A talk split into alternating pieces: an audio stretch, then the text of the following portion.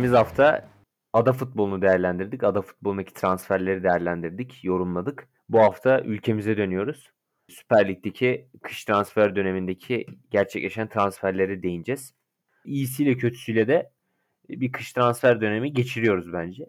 Değerlendirmeye liderden başlayalım. Trabzonspor'dan. Trabzonspor gene transferde hızlı davrandı.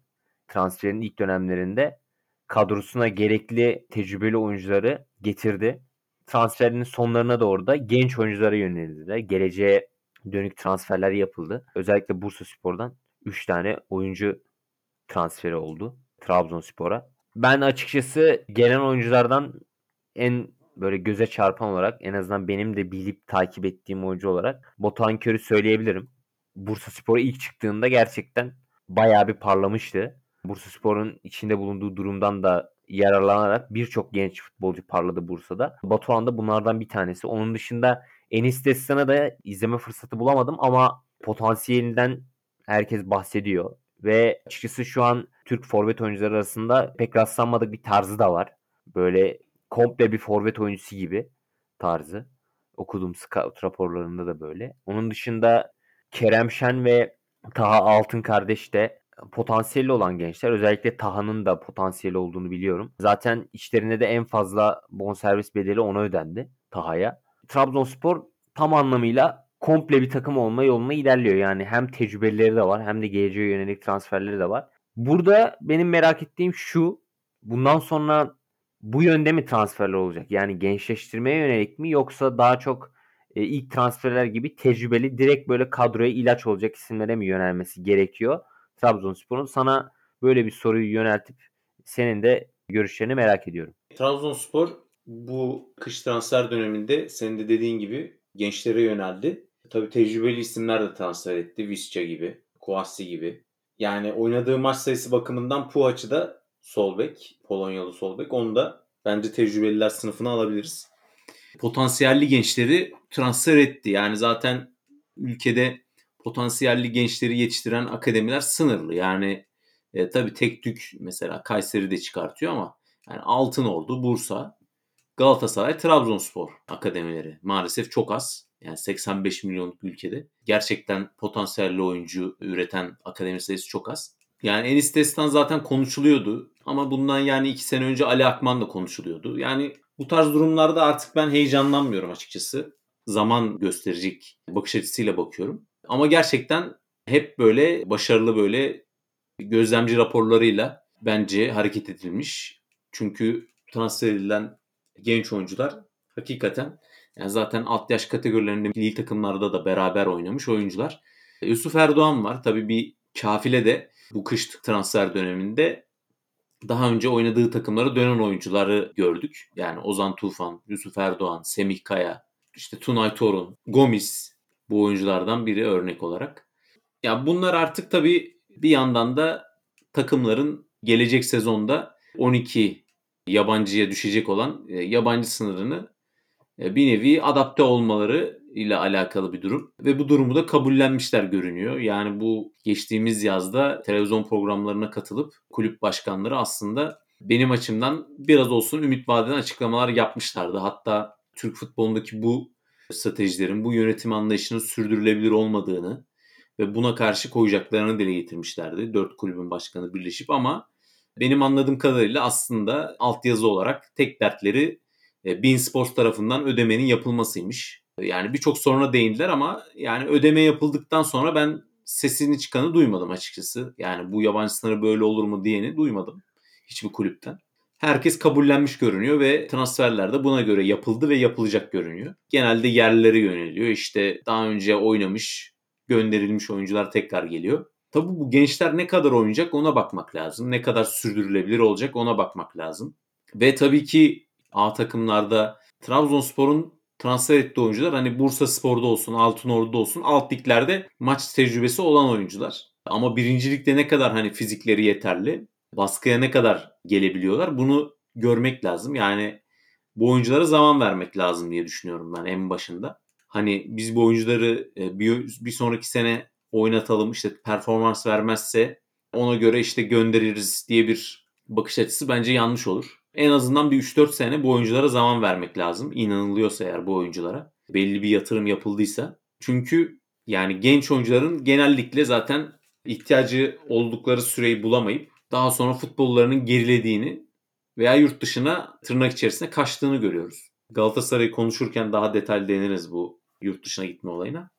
Ama Trabzonspor bence son birkaç sezondur en verimli transfer dönemini geçiren takım oluyor genellikle Süper Lig'de. Bu kış transfer döneminde de bence bu bunu devam ettirdi diyebilirim. Evet. Yani bir de Trabzonspor'un artısı da şu. Yani bunu sezon başında da yaptılar. Transferleri hızlı bitirdiler. Kadroda en azından birbirine hızlı adapte olma olayı Trabzon'un işine çok yaradı. Özellikle sezon başında da bunu gerçekten iyi hallettiler. Yani transferleri önceden bitirip birlikte en azından bir kamp geçirmelerini sağladılar. Bu da Trabzon'un yararına oldu yani. Bunda da bu kış transfer döneminde de transferleri hemen genç oyuncular hariç bitirmeleri bence gene iyi bir etken olmuştur diye düşünüyorum ben.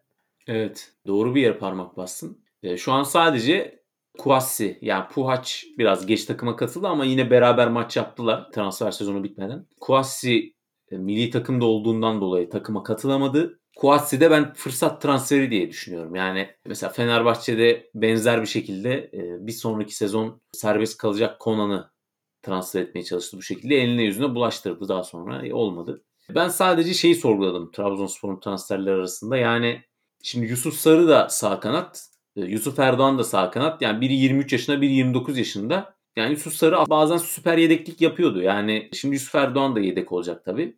Tabii Türk pasaportlu oyuncu bulundurmak da daha önemli olacak bir sonraki sezon. Ama yani Yusuf Sarı'nın bedelsiz gönderilmesi ne kadar doğru ben sadece burayı biraz sorguladım. Edgariye ile sözleşme feshedildi ama onunla da anlaşılacağı konuşuluyor. Aslında bir sonraki sene yabancı sayısı 12 olması yani stoperlerin ikisinde yabancı olmasını yani olması durumu bence biraz Trabzonspor'u zorlayacak yani. Çünkü şu an bile ki çok önemli bir oyuncu bence Trabzonspor için. Hem Trabzonspor için hem de ligdeki de en iyi stoperlerden bir tanesi Edgar. Ama dediğin gibi önümüzdeki sene yani 4 Türk olacak. İşini biraz zorlayabilir Trabzonspor'un. Yani şu an mesela Siopis'i almak için iki değişiklik yapıyor Trabzonspor. Önümüzdeki sezon daha da zorlanacak. Yani stoperler yabancı olursa. Ama tabii son maçlarda sivrilen yine bir genç oyuncusu var. Yani Ahmetcan Kaplan. Belki de o onu kullanabilir bir sonraki sene. Yani evet. Onu oraya hazırlaması lazım. Yani bir önceki maçta Ahmetcan Kaplan oynamıştı değil mi? Evet Galatasaray maçında oynadı. Ben Cervinho'yla anlaşmalarına da sevindim. Yani bu bir vefa örneğidir. Hem Cervinho'nun da hala bence içinde futbol var. İyileştikten sonra bence Trabzonspor'a daha da katkı yapacaktır diye düşünüyorum ben. Evet katılıyorum. Buradan da bir diğer büyüye geçelim istiyorsan. Fenerbahçe'ye. Fenerbahçe'de açıkçası ne doğru gidiyor diye düşünüyorum da şu an Fenerbahçe'de. Yani çok sıkıntılı bir durumu var açıkçası Fenerbahçe'nin. Yani bir kere Fenerbahçe'yi şu an özetleyen kelime direkt plansızlık yani. Veya nasıl desem yönetilememe de olabilir. Yani çünkü sezon başında Vitor Pereira'yı getirdiler. Vitor Pereira üçlü oynayacağım diye geldi. Ona uygun transferler yapmaya çalıştı.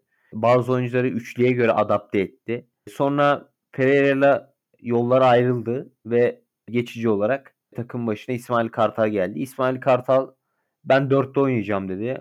Üçlüye alışmış oyuncular bir anda dörtlüye tekrar döndü ve dörtte oynamanız için elinizde bir bek oyuncusu olması lazım ve Fenerbahçe'nin bek oyuncusu yok. Nazım var, Novak var ama ikisinde performansı belli zaten. Yani çok kötü. Ve hala Fenerbahçe bir sol bek transferi yapamadı. Fenerbahçe gibi bir kulüp nasıl bu kadar kötü duruma düşüyor ben gerçekten anlamıyorum. Yani gerçekten Fenerbahçe bir sol bek alamaz mı yani? Veya onu da geçtim. Yani eksik mevkilere transfer yapmak gerekirken mesela hala Efecan Karaca transferiyle ilgili uğraşıyorlardı. O transfer yattı. Yani çok ilginç. Geçen de kongre vardı. Kongrede bile yani Ali Koç o kadar nasıl desem konudan uzak bir konuşma yaptı ki ben şahsen yani şaşırdım kaldım. Yani çıktı ve dedi ki Aykut Kocaman'a devam et, edebilirdim dedi keşke. Ben göndermedim dedi. Bayağı da agresifti. Evet. Yani ben biraz şeylik sezdim. Aziz Yıldırımlık sezdim orada. Onun son dönemlerine benzettim. Ciddi bir itham da yapıldı. Yani orada aslında ben biraz da anlayabiliyorum tepki vermesini. Beni dedi yolsuzlukla suçlayamazsınız dedi. Tabii yani herhangi bir insanı yolsuzlukla suçlarsanız tabii ki o insanın gerilmesi normal. Şöyle oradaki yani o suçlamalara bazısı gerçekten doğruydu. Bence asıl sıkıntı orada suçlama değil hitap biçimiydi. Yani açıklarkenki kelime yanlışları çok fazlaydı orada. Bir de yani herkes bilir yani. Ali Koç'un şöyle maddi desteğiyle Fener şu an bir nevi ayakta duruyor Fenerbahçe. Yani Ali Koç'un maddi desteği gerçekten orada önemli. Bir de yani Ali Koç niye kendi parasını çalsın? Yani bunu da düşünmek lazım. Onu düşünmeden söyledi orada eleştiri yapan kişi. Aslında çalma olarak söylemedi de menajerlere bıraktınız kulübü gibisinden bir herhalde cümle sarf edildi orada. Evet. Ama o mesela doğru. Bahsettiği menajer yanlış hatırlamıyorsam 6-7 tane oyuncu getirdi Fenerbahçe'ye. Bazı şeyler umursanmayıp kötü yönetimin devam etmesi gerçekten Fenerbahçe için üzücü. Bence transferlerden çok artık yönetimin değişmesi lazım diye düşünüyorum ben Fenerbahçe'de. Ozan Tufan geri döndü Fenerbahçe'de.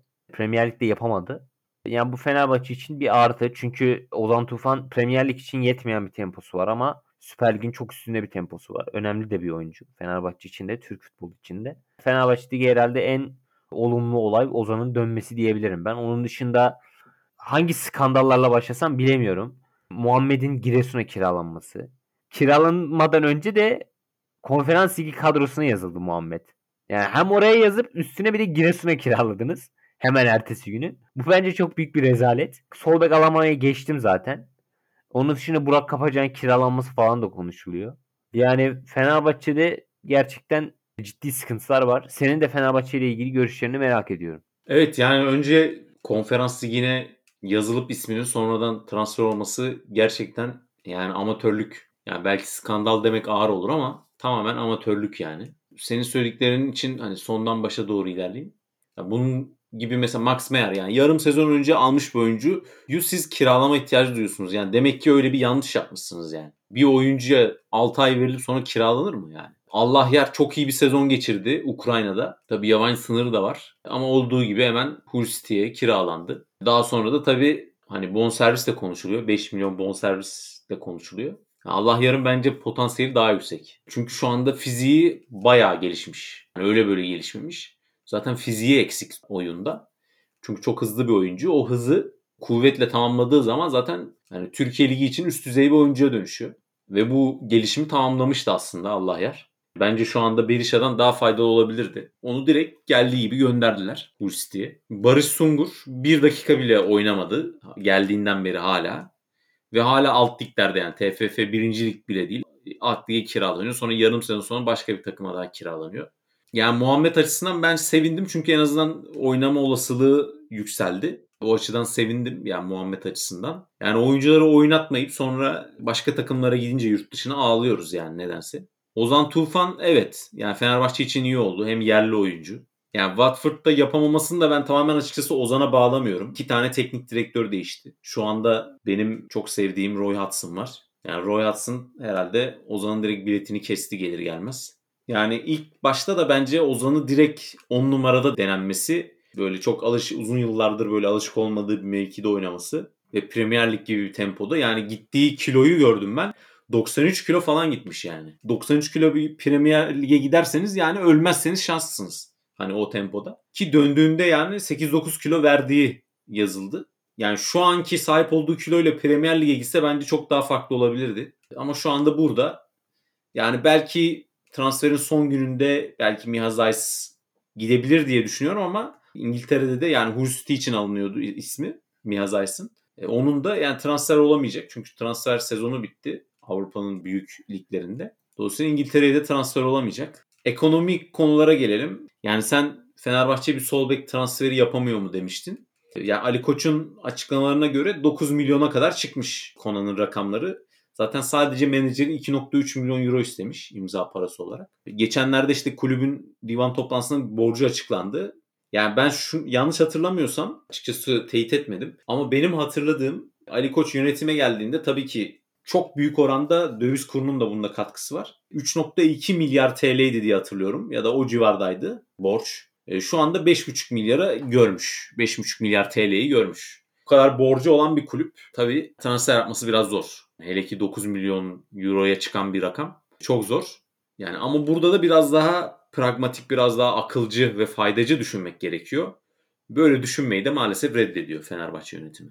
Yani benim orada sol bek alamıyor mudan kastım şuydu. Yani dünya üzerinde sadece Konan mı kaldı sol bek? Bu Fenerbahçe'nin scout departmanı yok mu? Bulamıyor mu Konan'dan başka sol bek? Yani en azından maddi açıdan da saha içinden de Fenerbahçe'yi destekleyecek bir sol bek yok mu dünya üzerinde? Ben bundan bahsediyorum. Veya diyelim yok. Dünya üzerinde gerçekten e, Fenerbahçe hem maddi anlamda hem de saha içinde destekleyecek bir sol bek yok. Yani Fenerbahçe'de şu an saha içinde oynayan futbolcuların hepsi %100 gerçek katkıyla oynuyor da işte genç oyuncu Çağatay'a fırsat olmuyor? Yani neden Çağatay denenmiyor? Ben bunu da anlamıyorum. Bir yatırım yapıldı. Genç bir sol bek. Potansiyelli bir sol bek. O niye oynanmıyor? Onu anlamış değilim. Yani şunu anlarım. Fenerbahçe şampiyonluğa oynar. Sahadaki bütün futbolcular gerçekten böyle %100 performans oynar. O zaman hani Çağatay'a derim hani şu an senin sıran değil. Ama yani şu an öyle bir durum da yok ve hala denenmiyor. Bu da mesela bana anlamsız geliyor. Evet. Ya Çağatay'a gelene kadar Burak da oynar orada o pozisyonda. Evet. Yani sol tarafta oynamışlığı da var Bursa'da. Ama işte dünkü maçta ilk defa oyuna girdi. Transfer olduktan aylar sonra. Yani hele ki böyle bir ekonomide kulüpler değişmeyi reddediyor maalesef. Bunun da sonuçlarına katlanacaklar. Biz de hep beraber göreceğiz. Evet. Yani ben biraz da Fenerbahçe'nin saha içine değinmek istiyorum. Özellikle dünkü maçtan sonra. Bence İsmail Kartal'ın şunu bir netliğe getirmesi lazım. Yani bu takımda hem teknik hem tempo ikisini bir arada yapacak bir takım Fenerbahçe'den bence çıkmayacak. Dolayısıyla bir karar vermesi gerekecek. Yani tempo mu? Sadece tempo üzerine bir takım mı? Yoksa teknik üzerine bir takım mı? Yani bunu Fenerbahçe'de en son böyle bir tercih yapan en son teknik direktör Emre Belezoğlu'ydu. O da hani ben tempodan vazgeçeyim.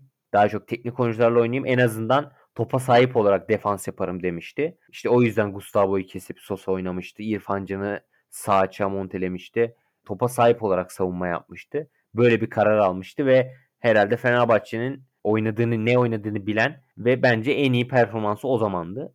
Yani bence böyle bir tercih yapması lazım İsmail Kartal'ın. Sen ne diyorsun saha içindeki durumuna Fenerbahçe'nin?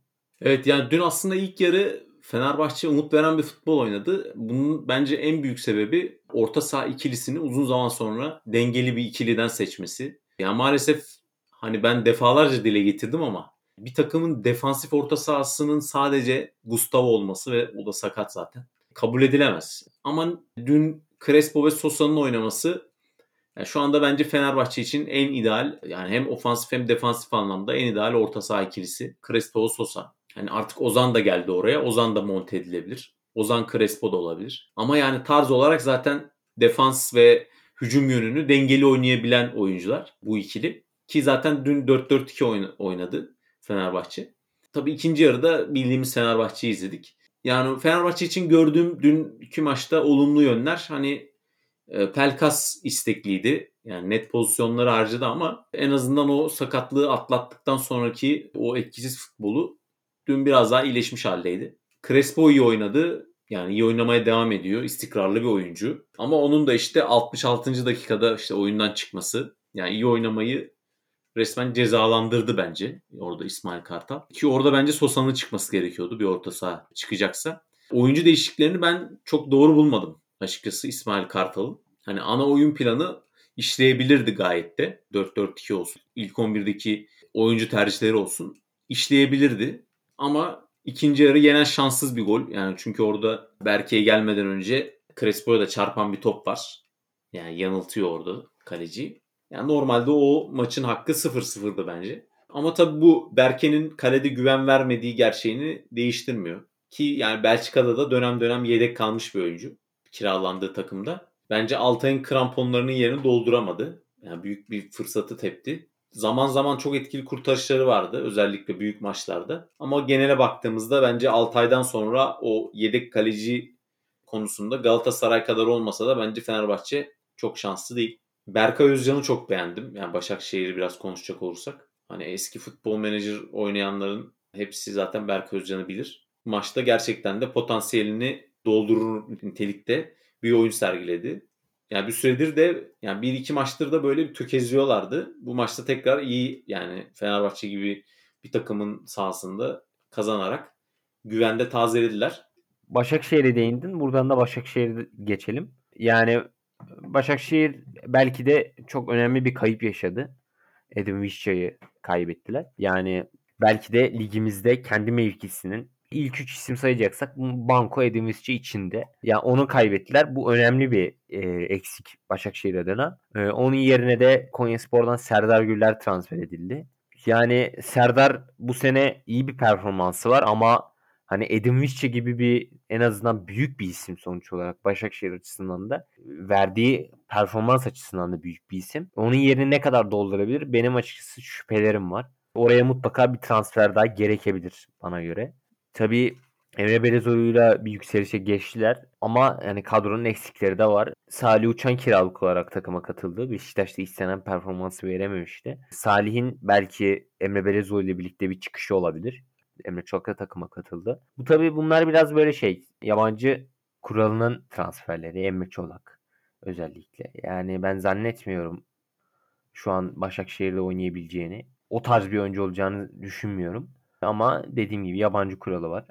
Bu da bir gerçek. Dolayısıyla kulüpler ona uygun transferler yapıyor. Onu da düşünerek transferler yapıyor. Sen Başakşehir'i nasıl buluyorsun? Yani Viş Vişcan'ın yokluğu çok bariz belli miydi? Serdar Güller o yokluğu doldurabilir mi? Transfer gerekiyor mu? Senin düşüncelerini de merak ediyorum.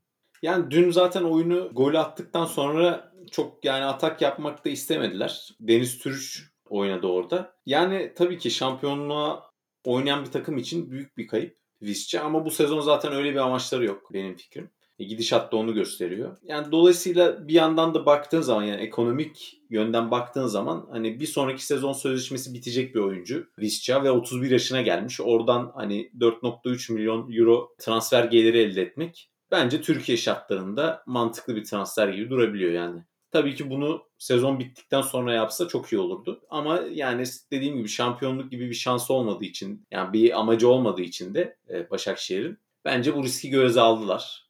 Dediğim gibi Salih Uçan tekrar futbola dönebilir ama tabii bir sakatlığı var. Önce onu atlatması gerekiyor. Emre Çolak yani hani Semih Kaya transferi gibi düşünüyorum ben bunu biraz. Yani İspanya'da iyi bir kariyeri oldu bir dönem ama yani sonrasında tamamen düşüşe geçti. Yani hani e, Arabistan'a gitti orada yapamadı. Sonra tekrar İspanya'ya geri döndü. Kara Gümrük'te olmadı. Yani sürekli yani yıllardır kariyeri düşüşte olan bir futbolcudan bahsediyoruz. Ben Başakşehir'de de çok farklı olacağını pek tahmin etmiyorum. Buradan da Galatasaray'a geçelim. Galatasaray'ın şu an içinde bulunduğu durumu Galatasaray'da da bir kongre vardı. Orada bir cümlesiyle iyi özetledi. Yani şu an bir kurtuluş mücadelesi vermek zorunda diye. Yapılan transferlerde de en azından eksik olduğu bölgeleri en azından bir nevi geçici çözümler buldular diyebilirim ben. Inaki Pena Barcelona'dan geldi kiralık olarak. Batefimi Gomis bedelsiz olarak geldi. Onun dışında Semih Kaya bedelsiz olarak geldi. Erik Pulgar'ı kiraladılar Fiorentina'dan. Yani burada yapılan transferlerde benim en beğendiğim transfer açıkçası. Onun dışında Aytaç kiralandı Göztepe'ye. Gidenler de oldu. Ama yani burada şimdi şöyle Galatasaray sezon başında bir yapılandırmaya girdi. Daha doğrusu bir proje takımı oldu Galatasaray. Gençleştirme projesine girdi. Ben buna katılmıyorum. Galatasaray'ın böyle bir projeye girdiğine katılmıyorum. Çünkü bunu kendi aramızda da seninle de konuşmuştuk. Yani genç oyuncu transferi yapıldığına ben katılmıyorum. Çünkü genç oyuncu işte 24 yaşındaki, 23 yaşındaki oyuncu değildir genç oyuncu dediğiniz 10, 17, 18, 19 yaşındaki futbolculardır. Yani max 20'dir. Benim benim açımdan böyle genç oyuncu tanımı. Ki Avrupa'da da böyle artık. Onun dışında hani Sasha Boye dışında Galatasaray'ın bir genç oyuncu transfer ettiğini ben düşünmüyorum. Madem böyle bir projeye çıktınız yani o zaman teknik ekibinizde buna uygun seçmeniz gerekiyordu. Burada bir kere projenin başındaki isim yanlıştı. Fatih Terim bu zamana kadar hep yarışmacı bir teknik direktördür. En büyük olayı zaten yarışmacılığıdır Fatih Terim'in. Dolayısıyla burada hata yapıldı. Yardımcı konusu zaten hiç bahsetmek istemiyorum. Çıkıp açıklama yaptılar biz geliştiremiyoruz diye. E şimdi geliştiremediğiniz bir ortamda genç oyuncu transferinin hiçbir manası yok. Çünkü onları geliştirip aldığınız bonservisten kar ederek satmanız gerekiyor. Bunu yapamadığınız bir ortamda bundan bahsetmek bana göre saçma. Sen bu fikrime katılıyor musun? İlk önce bu soruyu sana yönelteyim. Sen bu fikrime katılıyor musun? Katılmıyorsan da ara transferdeki gelen oyuncularla bu proje devam ediyor mu yoksa bitti gözüyle bakıyor musun? Ya çok çelişkili hamleler yapılıyor. Yani söylenenle uygulanan biraz farklı. Yani aslında sezon başında baktığımızda e, yapılan transferler bahsedilen projeyle uyumlu görünüyor. Sadece burada uymayan hani Fatih Terim diyebilirsin. Yani sen de bahsettin. İşte Gustavo Asınçağ olsun, Rumen oyuncular olsun, alınan genç oyuncular aslında umut vaat ediyor. Ama yani bugün baktığımızda Gustavo Asınçağ ile yollar ayrıldı mesela. Onun yerine hani yabancı olduğu için söylüyorum. Yani yabancı kontenjanı olarak Gomis alındı 36 yaşında. Yedlin transfer olduktan tam bir sene sonra Amerika'ya gitti. Yani bedelsiz gitti. Ya yani ben hani bedelsiz gönderecek kadar kötü oynadığını düşünmüyorum Yedlin.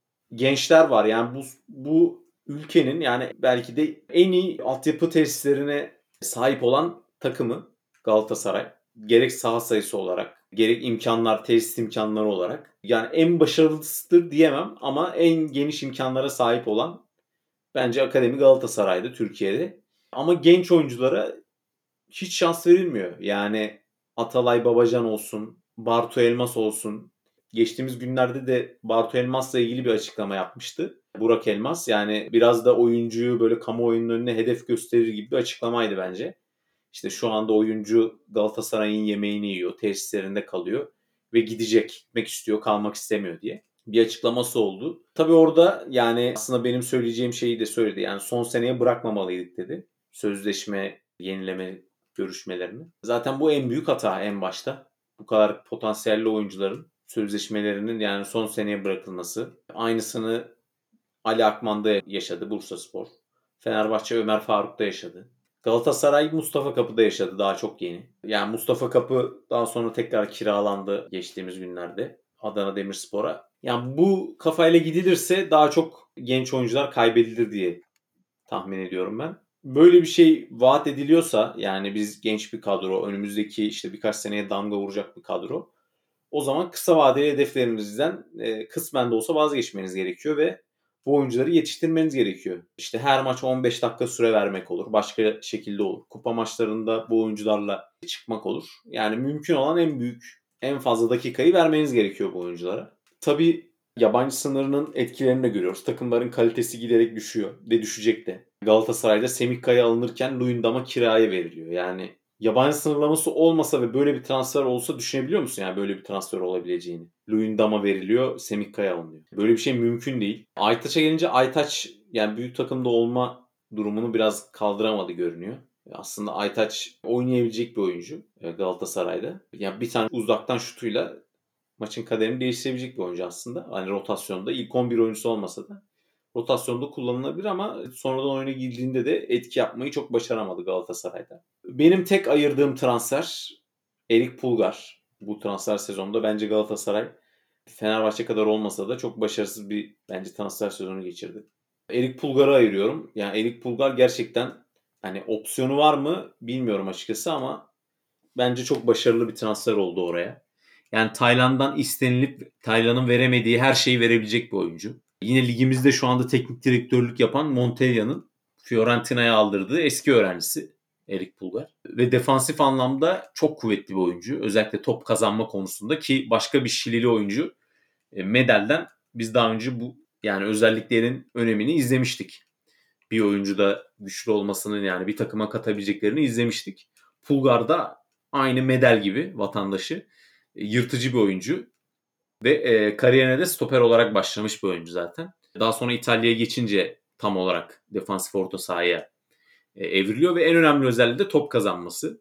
Müthiş bir pres ve top kazanma özelliği var oyuncunun. Bunun da üstüne pasör bir oyuncu. Taylan'ın veremediği pasları verebilecek bir oyuncu. Şu anda modern futbolda gerekli bütün yani bir defansif orta sahadan gereken bütün özellikleri e, verebilir. Tek soru işareti yani sakatlık atlattı. Daha sonra forma şansı bulamadı Fiorentino'da. Ama bence Galatasaray'ı belki de bu içinde bulunduğu durumdan çıkarabilecek tek oyuncu. Transferlerden bahsediyorum. Ki yani Ozan Tufan gibi iki yönlü orta sahada oynayabiliyor. Fiziksel yönü kuvvetli yani Süper Lig için çok önemli. Ben bu transferi ayırıyorum açıkçası. Galatasaray'ın diğer transferlerinden çok başarılı bir transfer. Takıma katıldıktan sonra da göreceğiz etkisini hep beraber. Evet yani Pulgar konusunda sana kesinlikle katılıyorum. Yani, yani Galatasaray'ın ara transfer döneminde bence yaptığı tek doğru olabilir bana göre. Yani direkt ilaç olacaktır Galatasaray'a. Hem defansif anlamda bir de Medel'e göre artısı mesela Medel oyun kurma konusunda biraz sıkıntı yaşıyordu. Ee, ama Pulgar'da böyle bir şey yok. Bir de Pulgar'ın üstüne duran topda da bir artısı var. Mesela çok iyi penaltı kullanır ki Galatasaray'da bir penaltı atma problemi de var biliyorsun. Ona ilaç olabilir. İyi frikik kullanabilir. Bu konuda gerçekten her anlamda Galatasaray'a ilaç olabilecek bir oyuncu. Bartu konusunda da yani şimdi proje kısmından bahsettim. E, madem böyle bir projeniz var kendi altyapınızdaki oyuncuları değerlendirmeyecekseniz böyle bir projenin ne anlamı var? O zaman kapatın altyapının kapısına vurun kilidi. Kapansın yani oyuncu çıkmayacaksa oradan. Çok güzel bahsettin. Aynısını Mustafa Kapı'da yaşadınız. Yani elinizde kendi takımınızda bulunan bir örnek var. Bartu'yla da bir an önce yani sezonun başında bu sözleşme işlemini halletmiş olması lazım ve Bartu'ya da gerçekten şans verilmesi lazım. Yani ki 6 numara bölgesinde bir sıkıntı yaşıyorsanız Bartu'yu neden hiç denemediniz? Yani orada oynayan her oyuncu çok iyi oynadı da Bartu'ya mı sıra gelmedi? Bu arada sen Erik Pulgar'ın duran top özelliğinden bahsettin. Aynı özellik yani tabii ki aynı derecede değil. Bartu'da da var. Bartu'da alt yaş kategorilerinde frikiklerinden söz ettiren bir oyuncu. Defansif orta saha olmasına rağmen. Teknik oyuncu yani. Evet kesinlikle. Burada Bartu'nun gidiyor olması Galatasaray açısından büyük bir eksi yazar Galatasaray'a. Onun dışında Gomis bu ligi gerçekten iyi biliyor. Zaten gol kralı oldu. Galatasaray'ı şampiyon yaptı attığı gollerle ama e, yani ben Arabistan'dan iyi fizikle dönen bu zamana kadar iki oyuncu hatırlıyorum. Biri Mamadou Niang'tı ilk. E, Arabistan'a gidip Beşiktaş'a geldiğinde gerçekten iyi katkı sağlamıştı Mamadou Niang ve fiziksel olarak da çok yıpranmamıştı. Öbürü de Josef de Souza. Yani fiziksel durumunu Gomis'in açıkçası merak ediyorum ama eski fiziğinde ol- olmadığı bence aşikar. Hem yaş açısından hem de işte Arabistan'daki idman koşulları falan. Dolayısıyla hani Gomis transferine çok yeşil ışığı yakamayacağım. Inaki Pena yani İsmail Çipe'den yani %100 daha iyi bir kalecidir. Canlı hiç izlemedim. Ama İsmail Çipe'den yani yüzde eminim ya. Yani izlememe gerek yok. İsmail Çipe'den daha kötü bir kaleci performansı ben Türkiye'de hatırlamıyorum uzun zamandır. Gerçekten çok kötü. Ama hani o, o boşluğu doldurabilir. Tek sıkıntısı hani potansiyelde bir kaleci zaten. Futbol Manager oynayanlar bilir. Potansiyelde bir kaleci ama işte o tecrübe eksikliği önemli. Mesela şimdi o tecrübe eksikliği şu yönden önemli. Şimdi yani bir Fenerbahçe maçı çıktığını düşünürseniz Pena'nın orada yani e, sıkıntı yaşayabilir veya bir derbi oynayacağını düşünürseniz sıkıntı yaşayabilir. Galatasaray'ın şu an içinde bulunduğu durumda hani mağlubiyetler de artarsa sıkıntı yaşayabilir. Bunlar Pena için Pena transferinde benim sıkıntılı e, gördüğüm noktalardı. Avrupa Ligi'nde gruplardan çıkmış bir takımın şu anda as kalecisi Pena olacak gibi görünüyor. Daha önce bir dakika bile oynamamış. Ne Avrupa'da ne La Liga'da bir dakikası bile yok. Yetenek konusunda zaten sen bahsettin. Tabii ki bir de artısı Torrent'in tanıdığı bir oyuncu. Sonuçta Torrent de Barcelona'dan gelen bir teknik direktör. Oyun kurma özelliği var. Yani Torrent'in oynatmak istediği taktiklere uygun bir kaleci. Bir dakika bile tecrübesi olmayan bir kaleci. Buradan da Beşiktaş'a geçelim. Beşiktaş açıkçası hem beni hem de kamuoyunu da belki de birçoğunu şaşırtacak bir hamle yaptı. Yani kimse Beşiktaş'tan ara transfer döneminde bir transfer hamlesi beklemiyorken bir anda e, Getson Fernandez transferi açıklandı. Bana göre şöyle Getson Fernandez Beşiktaş için Beşiktaş'ın planlamasında ileriye dönük planlamasında çok önemli bir rol oynayacaktır. Orası kesin ama yani Beşiktaş'ın ilk önceliği Getson Fernandez transferi miydi? Bence değildi. Yani asıl büyük sorunu stoper stoperleriydi yani. Oraya bir hamle gerekiyordu bence. Yani 6 milyon euro bonservisinin %100'ü ama sonraki satıştan %50 pay var. 6 milyon euro 5 yıl içerisinde ödenecek ve 1.2 milyonda maaşı var Getson Fernandez'in. Yani %50 pay biraz sıkıntı.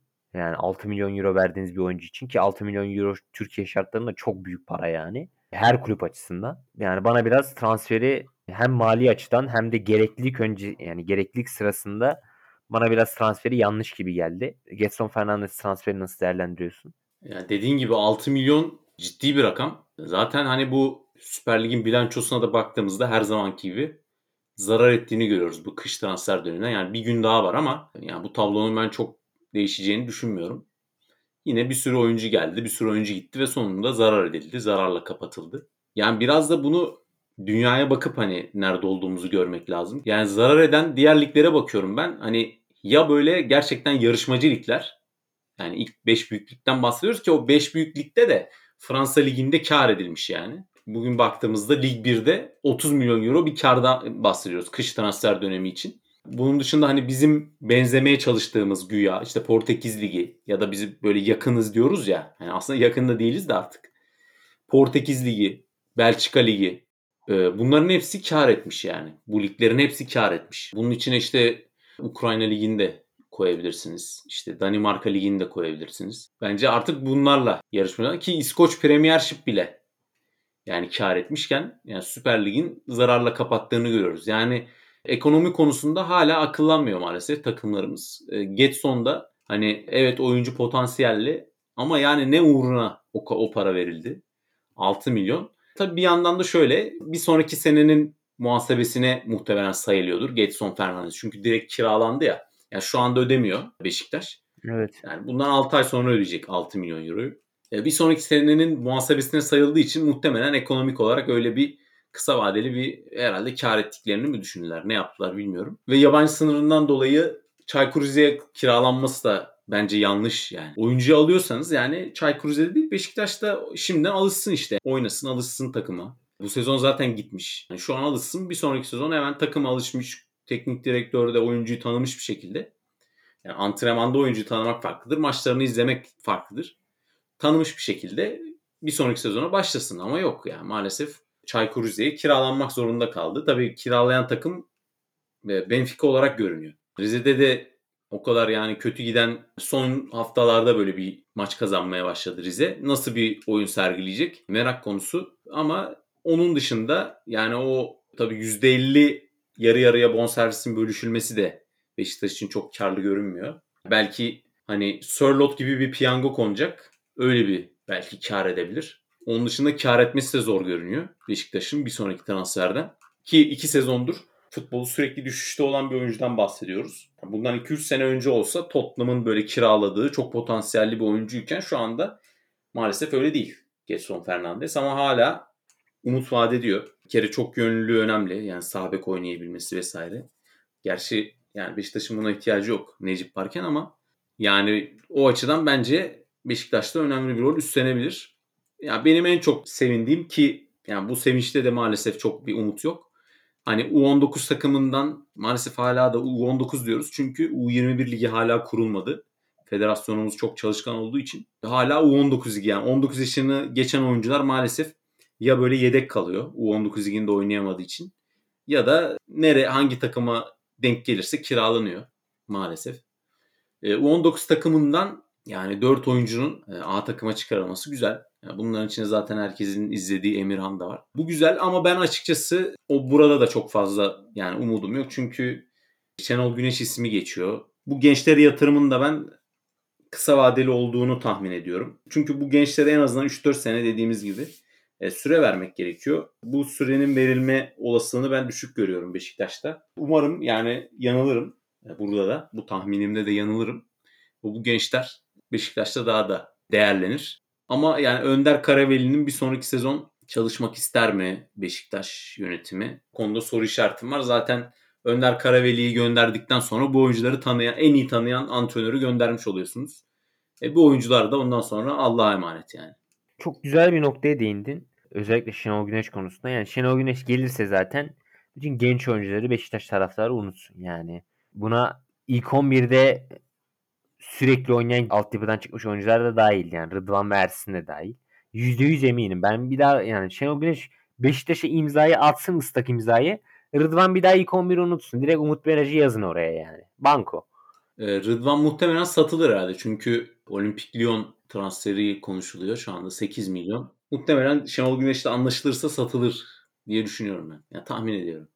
Yani ben zaten yani başkan işte teknik direktörümüz Önder Karaveli'dir diye bir açıklama yaptı. Geçen takımın antrenmanının ilk kısmı ilk yarım saatlik kısmı basına çıktı. Orada basın mensupları ile ilgili bir soru cevap yaptı Ahmet Durçevi. Orada böyle bir açıklama yaptı teknik direktörümüz Önder Karaveli'dir diye. Ama yani %100 eminim ya. Şu an yani Şenol Güneş önümüzdeki sezon imzaları kesin atılmıştır. Ve gençleri unutsun Beşiktaş taraftarı. O açılan departmanları falan da unutsun yani. Ben zannetmiyorum. Atletik performans departmanından bahsediyorsun değil mi?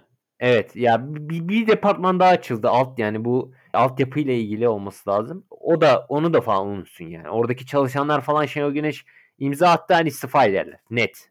Şöyle Beşiktaş'ın şu an asıl yapması gereken şey biliyorsun Beşiktaş'ın yaklaşık onun üstüne futbolcuyla sözleşmesi bitiyor sene sonunda. Zaten geç kalındı ama bir an önce önümüzdeki sene takımda kalacak oyuncularla sözleşme uzatılması lazım. Buna ek olarak şu andaki genç oyuncuları önümüzdeki sene için takıma adapte edilmesi lazım. Şu an takıma çıkarılan genç oyuncular arasında en hazırı Emirhan İkkan gibi görünüyor. Onu bu sene yavaş yavaş oynatarak önümüzdeki sezonun ilk 11'ine yavaş yavaş onu yazmanız gerekiyor ki zaten gençleştirme projesi böyle olur. Yani bir anda hadi biz çıkan 4 oyuncuyu da ilk 11'e adapte edelim böyle bir şey dünyanın hiçbir yerinde yok zaten. Her sene bir veya iki oyuncuyu maksimum bir iki oyuncu ilk 11'e adapte etmeniz gerekiyor. Bir anda gençleştirme projesi diye bir şey yok zaten. Buna ek olarak da Rıdvan, Ersin, Serdar Saatçi bu gibi isimlerin 2023'te sözleşmesi bitecek. Beşiktaş'ın hali hazırdaki durumundan ders çıkartıp bir an önce bu oyuncuların da sözleşmesinin uzatılması lazım. Satılır satılmaz hiç önemli değil. Ama sözleşme uzatmak zorundasınız. Çünkü elinizden bedava gitmesin bu oyuncular. Bu, bu, bu tarz oyunculardan ciddi bonservis bedelleri kazanabilirsiniz. Örnek Larin. Larin bedava gidecek. Geçen sene ara transfer döneminde 10 milyon euro teklif geldi. Geldi yani. Böyle bir teklif. Ama şu an bedava gidecek. Bundan Beşiktaş yönetiminin acil ders çıkarması lazım. Evet, hatta ben bugün e, Larin'in Fenerbahçe'ye bile önerildiğini okudum ya. ya. O noktaya geldi işler. Aynen öyle. Yani ki Galatasaray'da durumunu sordu yani menajerler aracılığıyla bu arada. Ya zaten bir oyuncu genelde 3 takımdan biriyle de görüşmüş oluyor yani. Tabii hepsi gelince işte ben doğuştan şuralıydım diyorlar ama. E, dolayısıyla yani şu an içinde bulunduğu durumdan Beşiktaş yönetiminin ders çıkarmış, ders çıkarıyor olması lazım. Hemen önümüzdeki sene sözleşmesi bitecek oyuncuların eğer kadroda düşünüyorsanız hemen sözleşmelerini yenileyin. 3 tane kritik isim saydım burada. Ersin, Rıdvan, Serdar Saatçi. Bunları acilen yenileyin. Emirhan'ın da bence sözleşmesi yenilenmeli burada. Tabii yani. Çünkü onunki de 2023'te bitiyor. Evet. Tabii yeni FIFA kuralları da geliyor ama hani oyuncu kiralamaya da sınırda yani. Oyuncuyu kiraya vermeye de sınır getiriyorlar. Ama Chelsea evet. bundan çok para kazandı. Yani oynatmadığı oyuncuları kiralayarak onları oynadıkları takımlarla parlatıp satarak en kötü bu şekilde bir politika izlenebilir yani o kural gelene kadar.